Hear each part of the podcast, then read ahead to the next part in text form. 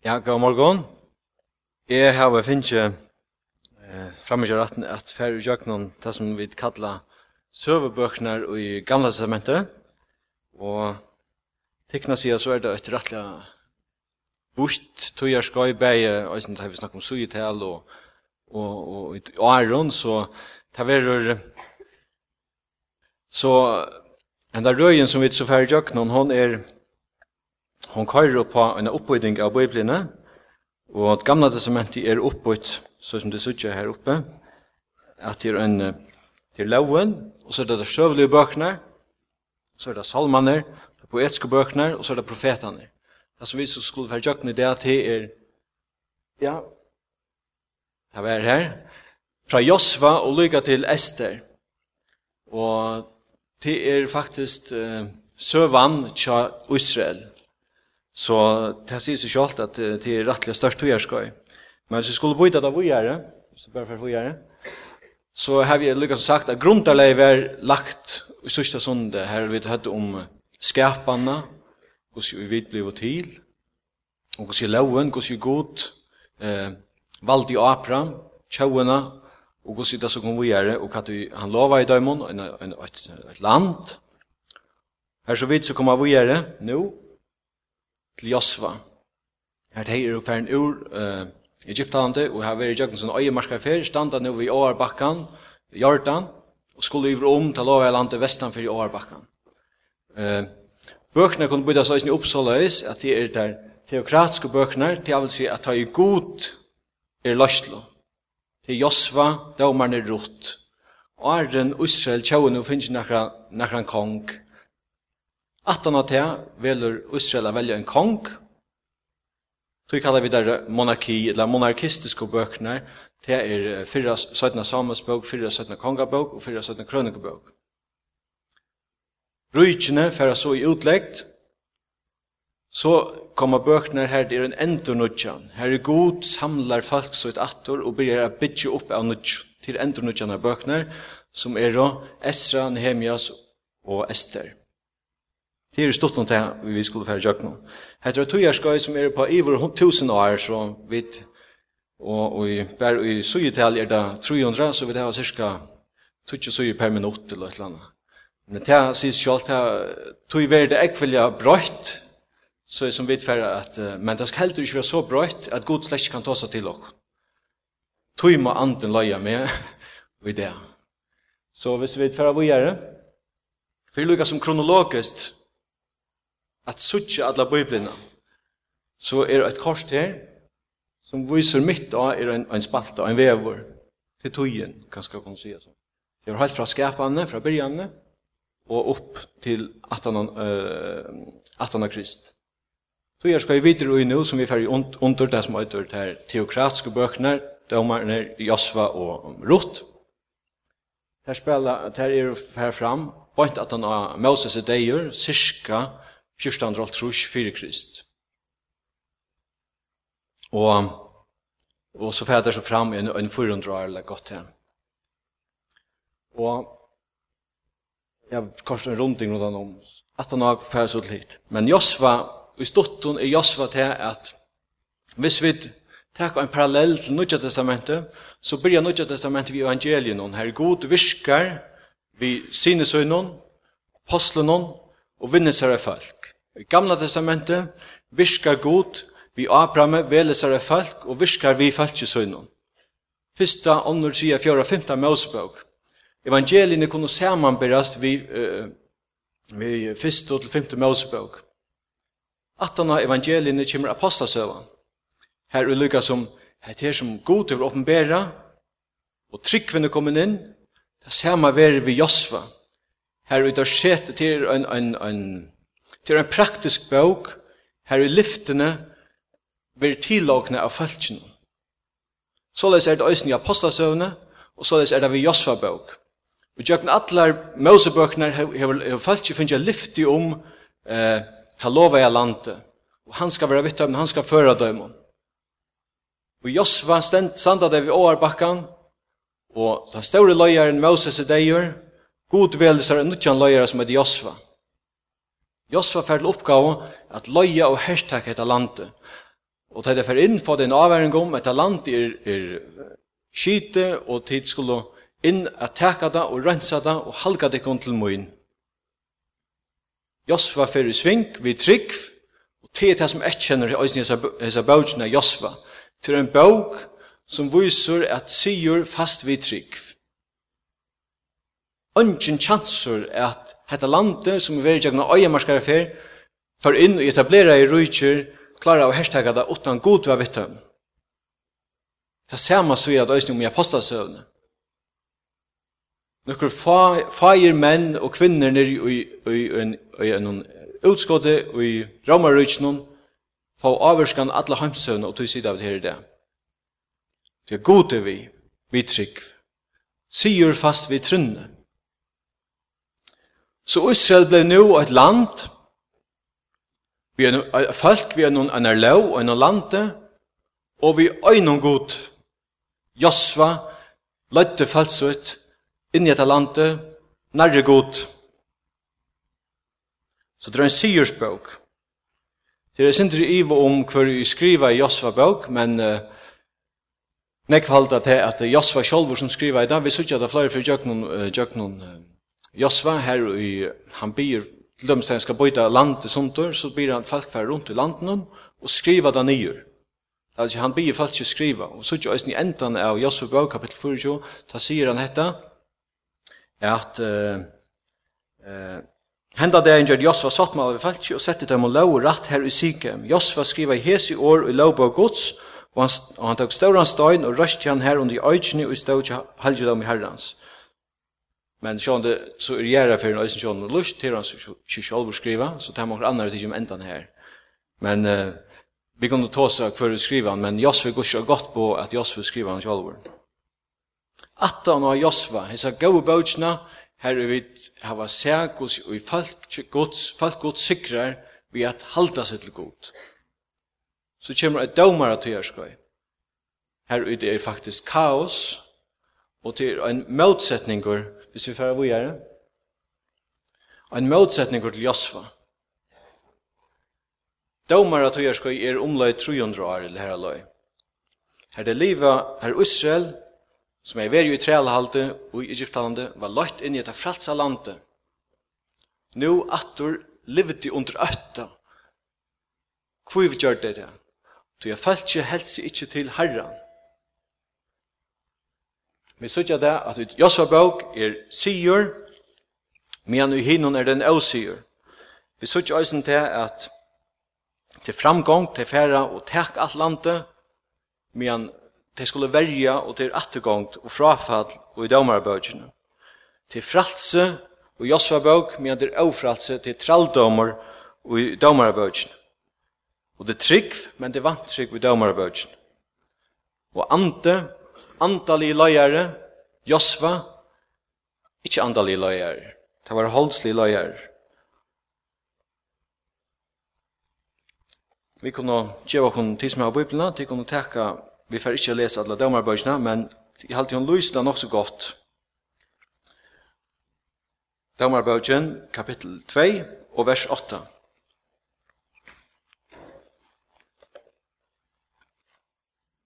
Men tænar i herrans Josva, oi, orsaka, Dómarbøk kapitel 2 og vers 8, men tænar i herrans Josva, sonur noen døye, ta han var 120 år gammal, og tar gjer av han i arvalod i hans herra, og i Timnat Heres og i Efraims fjöllun, når han fyrir gasfjall. Øysen i alt det i sauna til fedra søgnar, og etter teg kom eit anna attarlig, som kvarski kjendi herran eller vers og i han hei gjørs fyrir Israel. Ta gjør de Israel til, og i ønt var i egen herrens, og dyrka i balene. Vers 14.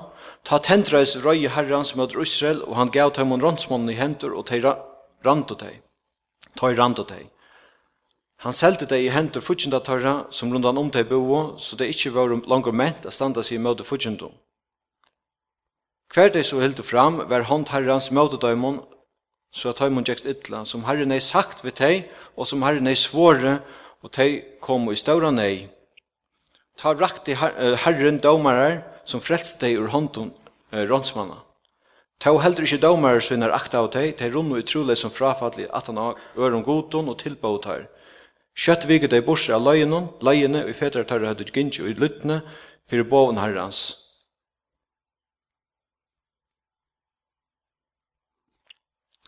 Så vi sutja til at her er nekker domare som er kallar upp av god, som røyner at løya, det ganske vel lokale domare, det blir det bra av, ja. som røyner at løya falt til god. Og det er en, en beati at homa. Men falskje stender i møter alla tøyna, og løytar til de fremmande godanar, de fremmande falt som rundt om der bor, og fer og i trælehalt tja falskje no faktisk, livris i öttan. Så hvis man skal gjøre en, en mynd av domare bøtjene, så er det en, en, en Andringra som bæra for nyer og nyer. God røyner og sender dem dømere, men falt ikke veler av fettla fra. Så det er en mysk og tung tungbøg dømere bøgjen. Her falt ikke veler god fra. En, en bøg som lyser hos vi vet og i hold i okkar er. Her vet kjøtt gløyma. Det stender at falt ikke glemte hos vi og god hei lagt Israel og det blev frafall. Og i Hesun så kan man säga at uh, bøtjen, uh, eller hessa sjøbøknar, ja, heter, heter løyarar, konkar, dømarar, alt dette forskjellige. Og i hesar bøtjene, som er det rutt, så av det et annet perspektiv, av det, som, av det samme tøyerskøyene. Hette rutt er skriva i samme tøyerskøy som dømarabøtjen. Nok ikke i Det stender at det er i Moabs land, til vil si at det er nok neivan ver, eller til neivan ver en tujarskoi her Israel la i krutsvinn Moab, ta la Israel, eller i kapittel 8 nel, drep Moabs kong. Så det er det er øyne tujarskoi og i domar eh, domar tujarskoi her Rutt blei skriva. Rutt er en bøk om en familie som var i Israel. Ta be hunkursnei, det får inn i Moabs land, fremmant land, de heva betur.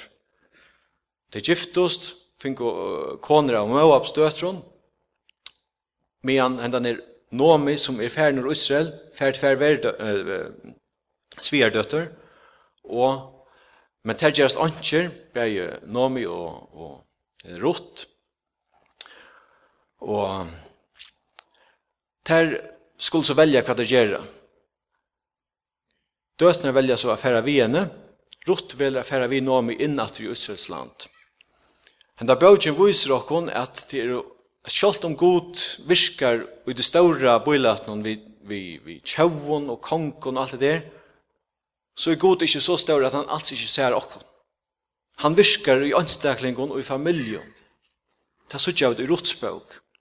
Rot er òsne en, en, en som viser okkon og Kristus langt og herboint. Rot manglar jo en løsnæra. Løsnæra var Boas, som skulle løse henne. Langt å ta sutja av denne mynd av Kristus som skal løse okkon, en løsnær. Så eh, henda bøtjen rutt viser okkon akkurat som Josva, Josva var en bøk her det var om trygg, så fikk syr. Rutt viser okkon en, en, en, en bøk som om trygg, som gjør okkon kvila. Hesar uh, svara bare konar og tatir samflanon, blev kort for inn i et nytt, nytt uh, for inn i Israelator, og var svarbare, men der funno kvilo. Det er fyllt og herrasunnen, og det var i trygg, det er fyllt, det er fyllt. Det var rått. Nu kommer vi i til litt annet tøyerskøy. Nu snakkar vi om der monarkistiske, monarkistiske bøkene, der vi kommer til samansbøkner, kongabøkene, krønikbøkene. Krønikbøkene Ehm Samuelsbøkene byrja vi Samuel. Samuel var sørste domar i Israel. Vi snakker om trutjar stora løyarar, vi snakker om Moses og Josva, og nå kjem den tre stora løyaren i Israel, Samuel. Vi leser til at Hanna, hon yngste seg som jeg vend, etter badne, og hon ber og i fyrre Samuels bok. Hon byr og byr, og hon færre etter lyfti opp, og hon færre etter bønene oppfyllta. Og hon djevor enda badne, som var Samuel, til herran. Samuel vekser seg opp tja Eli, presten hon i Israel, i det her. Og vi sykja til at Samuel er en mævor, eller fra badne er av til kjenna søvna og sundagsklassøvna omta i Samuel lustar etter god, han blir kattlaver, han høyrer han, og han blir kattlaver, og han lustar, og han fylgjer kattl, Samuel fylgje kallen hun alt løs ut. Samuel er et prakt eksempel på å være god nær. Vi sutja at Samuel utøyser hjertet sitt for god. Samuel hever et ærligt og innelitt samfunn i god. Han løyer falske som er ganske fettler og er trolest, og hessen er løyeren Samuel, han er ikke lykka glad. Og hvordan jeg tås at jeg ikke til mine. Vi tar så latt og linde til å si, hva skal jeg, ja, men det er til min slett kjære øyes nere. Til at det ikke ganger et munn at Men så det var det ikke Samuel. Det gikk ikke akkurat hans her høtte. Han, han var frustrerad av vår, men han var ærlig i for god. Han sier det vi god. Tog at han var domare, og han røste rundt landet. Han var gilkall og rama og, og dømte falsk. Men folk hikker rundt om seg og ser at hine folkene hava kong. Og nu vil jeg vite øyne av kong, sier Israel. Tal seg vidt hava fra teokrati, her er god løyer, tjøkken domarnar og profeter. Nu vil jeg ha kong som løyer folk. Og god djever folk noen avværing og profet sin Samuel, domarnar tog jag det var, og sier at hvis du velger kong, så var det så og så og så. God ger Øysten Samuel en ukka til han sier dette. Samuel felt ikke vil ha kong, men det reka ikke til, det räcker med vi vilja ha kong. Så gjev to felt ikke noen kongen, og de skulle få det her etter. Og vi sørger til at det var ikke vilje gods at felt ikke skulle ha kong. Men falski fikk vilja sunn, og vi sykja det at fyrste kongur Israels var ein som et Saul. Vi menneske eier ein veldig kappe sikkert. Han, uh, han ser ut, han, han, han var vekur og prover, og alt det som en kongur sikkert skulle være. Men i Guds eion, etter at vi snakk om det andalige, var han alls ikke det som kanskje falski tarvei. Vi sutja da at Saul var en menneskjanslig hans med Han var ikke nekker andalig over Saul. Og langur og langur som tøyen fer, sutja vi og i som tøyarskøyne han til Saul ræver, at tar trobleggar koma, og Saul verir trusht upp mot vetsjonon, så løyter han ikkje her som hjelpen skal finnast, som Israel åtti at vita, hver hjelpen vera finna, det var ikke gode, men han løyter i ærasteg. Saul fyrir til til okkulta, Han løyde ikke til Herren. Så at disse mævren som, som tøyen løy, han klarer seg, og han løyde ikke til Herren, og ta måtte enda seg som det enda. Og tøy ble det en annar mævr som ble kong. til er David som ble kong. Så et færre vi gjør det. Ja, han hadde så de bøkene som vi har holdt vi nå, som sværer seg i en tøyerskøye, fra cirka år 1100 år en krist, og lykka til 400 år en krist. Og eh, hvis du fer vågjere, så er det kongatøyen, her vi suttja det samme enda rujt, Saul, David og Salomon, som er fra 1000 og 55, cirka til 1975, og at han har 18 kjem som en kongarekja, her i eh, rujtjene, og derfor i sunter at han har Salomon, det vil si at han har til i fjøra lije, ta ferdig i tvei rujtjer, er sunna rujtje og ta norra rujtje, og i tjejen og tvei fyrir krist, ta fer eh, ta norra rujtje og i utleggt, og det bæra ta sunna rujtje. Og så er det resterende varene fra 222 og til 506 fors, er det sunna rujtje til konga tøyen, eller til konga tøyen, til Israel. Så så fer vi er nå, Vi sørger det at Jota er det eh, ta sånne røyke, det var Jota, 18 Jota og Benjamin. Men i det norra røyken var alle hina 28 år. Eh, Høvestavren og Jota var Jerusalem, men hitt var Sikhem og Samaria. Det var nøytjan konger og en drottning, og i, nor, i sånne Men jeg nødjan kongar var det norra rujtjen, og det var ikke gode kongar i det norra rujtjen, men det var nekre gode kongar i det sunna rujtjen. Nekre var åstøver, og nekre var ønder, og i det sunna rujtjen. Det var trutsjar vekkingar, Josafat, Ezekias og Josias. Uh, som jeg sier det kun, så var det norra rujtjen hertig i 22, men det sunna rujtjen var hertig i 546. Og som vi kom atter til da vi kom alle krønikebøkene, som er av og versta suttja, ta norra rujtja, er omgang til omtale i. Ta sunna rujtja er omtale i alle hine bøkene. Og konga og krønikebøkene.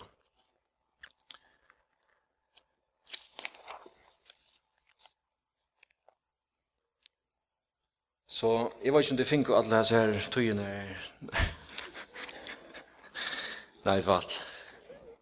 Så det suttje at det er jävligt störst och vi kom til ferdig ta oss om en gång flere dagar eller vad det skulle vara. Men tøyen er så öliga avmarska, men jeg känner vise det. eller det som vi ur ures nir på en rujtjen om, det er til at det norra rujtje, som blev her en opprøster vi er, faktisk av til Saul og David, og så er det Salomon. David er den sikrande kongeren, som færdes åpenberingen Gud god om at du ska göra mig tempel.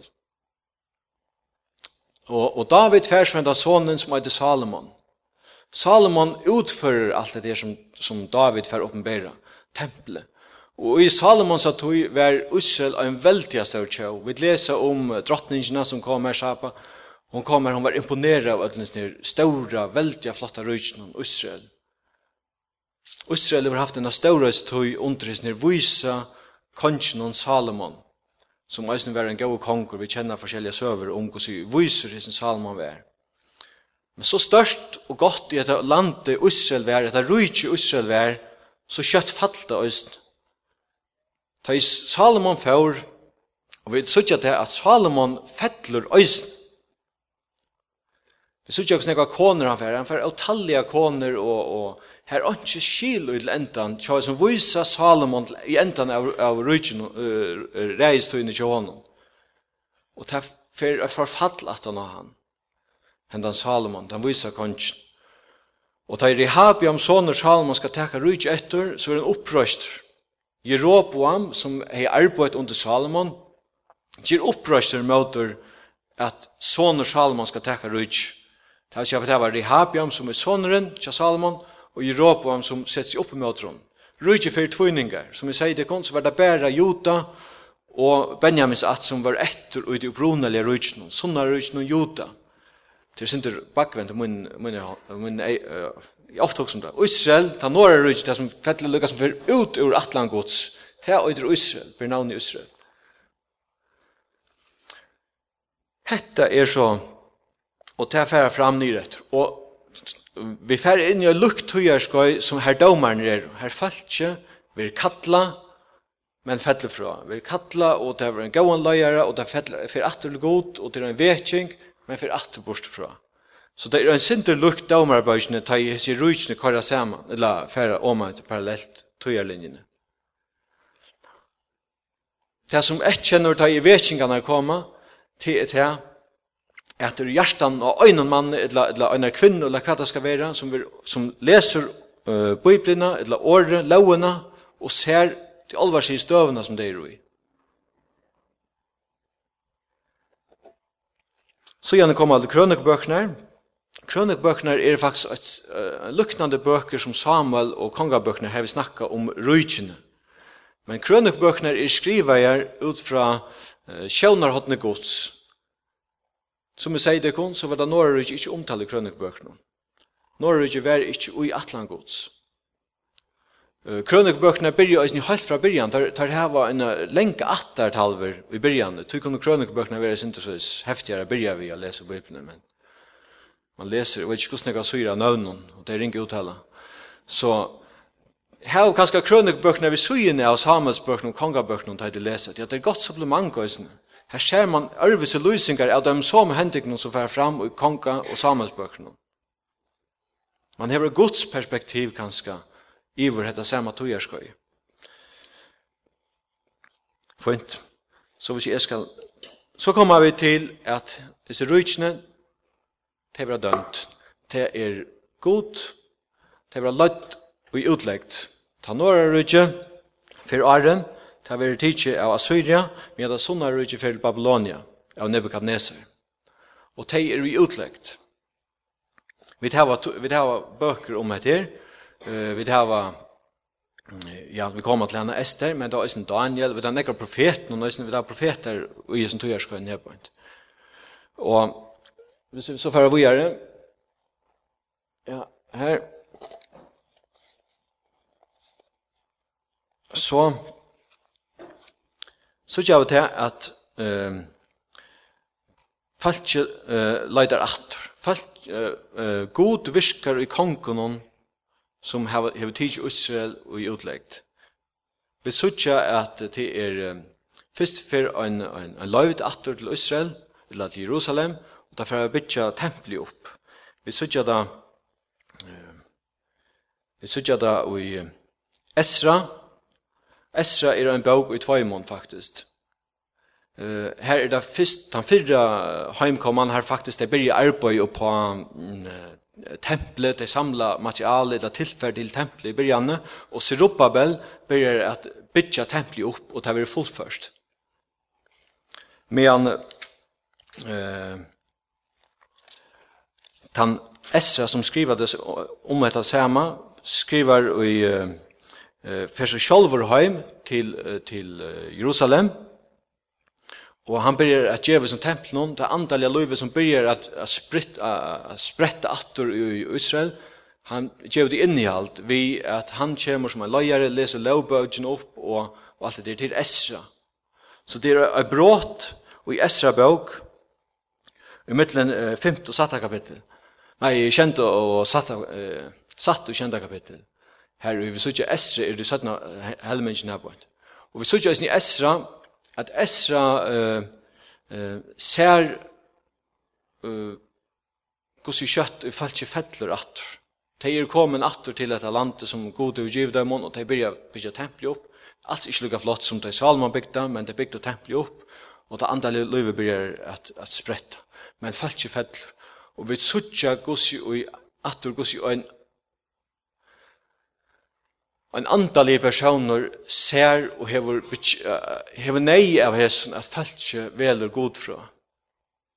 Og i endan av Esra bøk så gjør vi så at falskje græter i over gus ut heva valgt god fra og til en, en vekking i Esra bøk. Nu har vi så et tempel som ble bygd i endan av Esra bøk, et tempel ble bygd av Serubabel, og Esra kom inn og gav det i innihalt, i antallet innihalt, verligt innihalt, men tala åpne til futsinda. Ta kjemur Nehemias inn.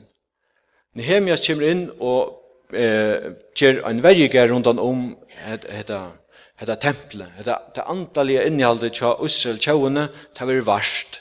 Ta i Nehemias kemur inn som er ein praktiskur meavur.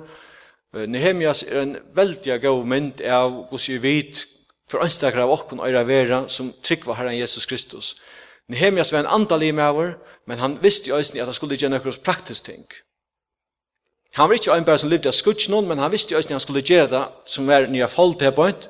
Vi tog for eier som han har oppe i de erva, de andalige perspektiven. Det var Nehemias. Esra kommer så attan av faktisk, men rent kronologisk øyer Esther, Ester, årsaka, Ester øyer ikke av være attan av Nehemias. Ester øyer, Ester øyer av være ui en og. Tar halda det ur tujarskøynen her i snakka i om, tar var et brått i Esra bøk. Ester og jeg kan skrive i tujarskøynen. Her er vi atter akkurat som rått, suttje at god viskar øysni og i falskjennom. Ikke bare i rujtjon og kongen og dømeren og alt det forskjellige, men i gjørstunnen av falsk. Suttje at i Ester, og øysni tar han. Virkar i gjørstunnen av falskon, så fær det avvirskan til det større mynden. Per vi det vi er. Hva er det også var lærst? Nå har det vært i jøkken tusen år. At han har hatt her. Hva er det også lærst om god, og om akkon, menneske og om Kristus, eller hva det skal være. Vi har lærst til at god, han er visst. God har ikke bare sagt, ok, tid, nu har tid bare tikkun at nu kvar det bara det egna kjek, men god er visst. Vi sutja da, begge tar det utlegt, og vi halda at god hever vreka falsut. Så sutja vi til at god er visstjen sjalta. Han er visstjen i Ester, han er visstjen i Rutt, han er visstjen i Daniel, derfor det kommer til Øysene. Så sjalta i vid, det synes om at god er lengt vekk, så er han visstjen. Men god, han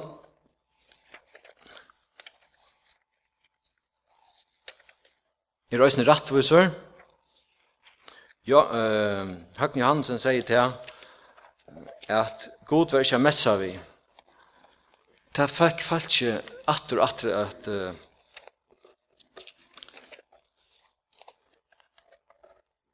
at at switcha til at det ble dømt. Og det var et det var øløyen og det fylte en dømer vi i sin øløyen.